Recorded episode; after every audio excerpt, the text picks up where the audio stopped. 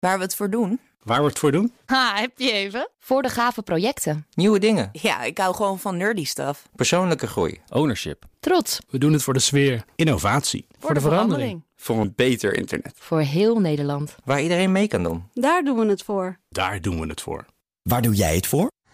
Kom werken voor KPN en groei op jouw manier. Check de actuele vacatures op het gebied van data, security, development en networking op jobs.kpn.com/tech. Wetenschap vandaag.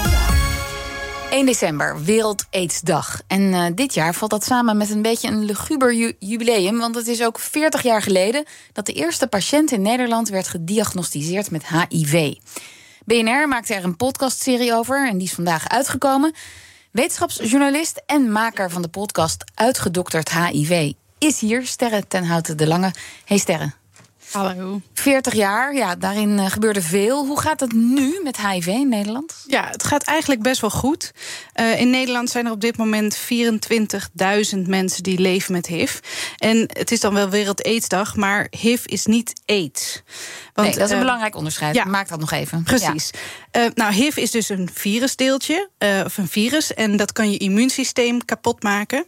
Als je heel veel virus in je lichaam hebt, dan kan het immuunsysteem eigenlijk niks meer tegenhouden. En dat kan zorgen voor hele nare ziekte, ziektebeelden. Um, vertelde bijvoorbeeld dokter Peter Ruijs, Pieter Ruijs, in de podcast. Uh, hij had bijvoorbeeld schimmel in zijn mond, hij had herpes rond zijn anus, hij had koorts, hij had gezwollen lymfklieren. Ja, je wordt gewoon echt heel erg ziek. Precies. En dit was in 1982. Hij omschrijft hier de eerste patiënt die hij uh, tegen is gekomen.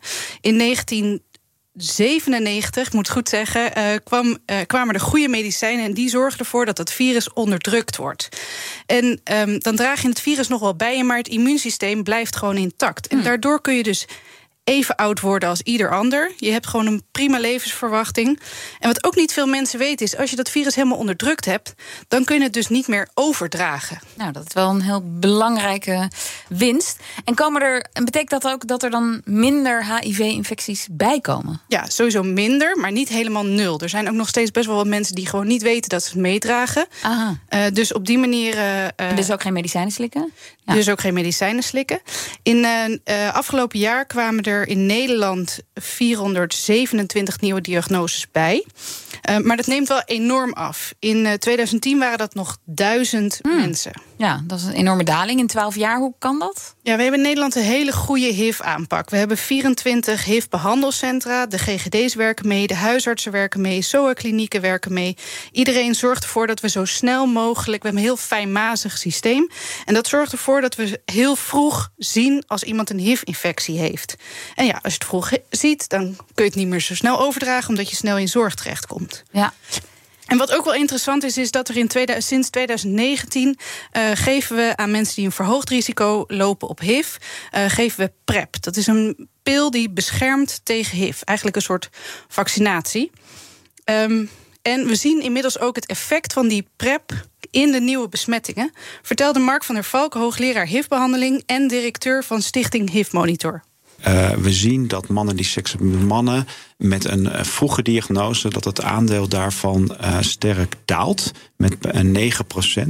Wat betekent dat die groep mannen, die dus al in zorg was voor SOA en HIV-screening, dat die zich nu beschermt met PrEP. En kan iedereen aan die pillen komen, die PrEP-pillen? Nee, helaas uh, hebben de GGD's geld gekregen voor uh, 8500 mensen. Oh, dat is niet veel. Nee, uh, er zijn ook nog wel wat huisartsen die het geven, maar niet alle huisartsen doen dat. En er zijn op dit moment tussen de 2 à 3000 mensen naar schatting die op de wachtlijst staan bij de GGD om deze PrEP-pillen te krijgen. Um, nou, er is allemaal politiek gesteggel over. Uh, willen we investeren in preventie of niet?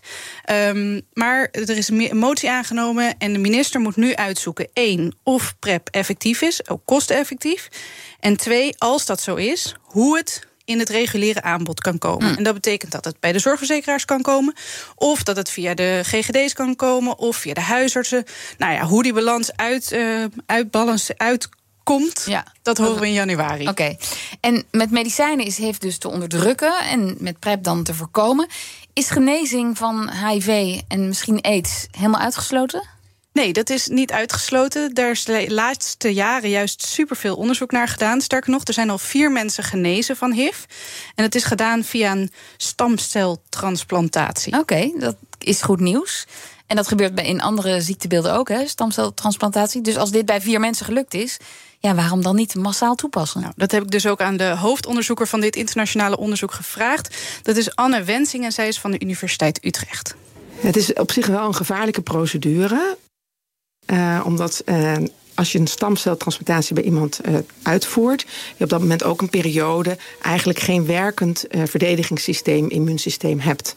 En dat betekent dat je zo'n procedure eigenlijk alleen bij mensen kan doen die zo'n procedure nodig hebben, omdat ze bijvoorbeeld bloedkanker hebben. En HIV alleen is eigenlijk niet voldoende om zo'n transplantatie te doen. Omdat je HIV goed kan behandelen met medicijnen. En ja, deze stamceltransplantatie wel echt een hoge mortaliteit, een hoge kans op overlijden heeft. Ja, precies. Dus het is nog een redelijk uh, gevaarlijke uh, uh, onderneming. Nou vertelde zij ook dat er ook mensen zijn die antistoffen hebben gekregen tegen het HIV-virus en daardoor niks meer nodig hebben om Hmm. dat virus zelfstandig te onderdrukken. Dus dat is super soort vaccinatie. Ja, een soort Ja. vaccinatie. Dus ze zijn er echt bijna en Anne die gelooft erin.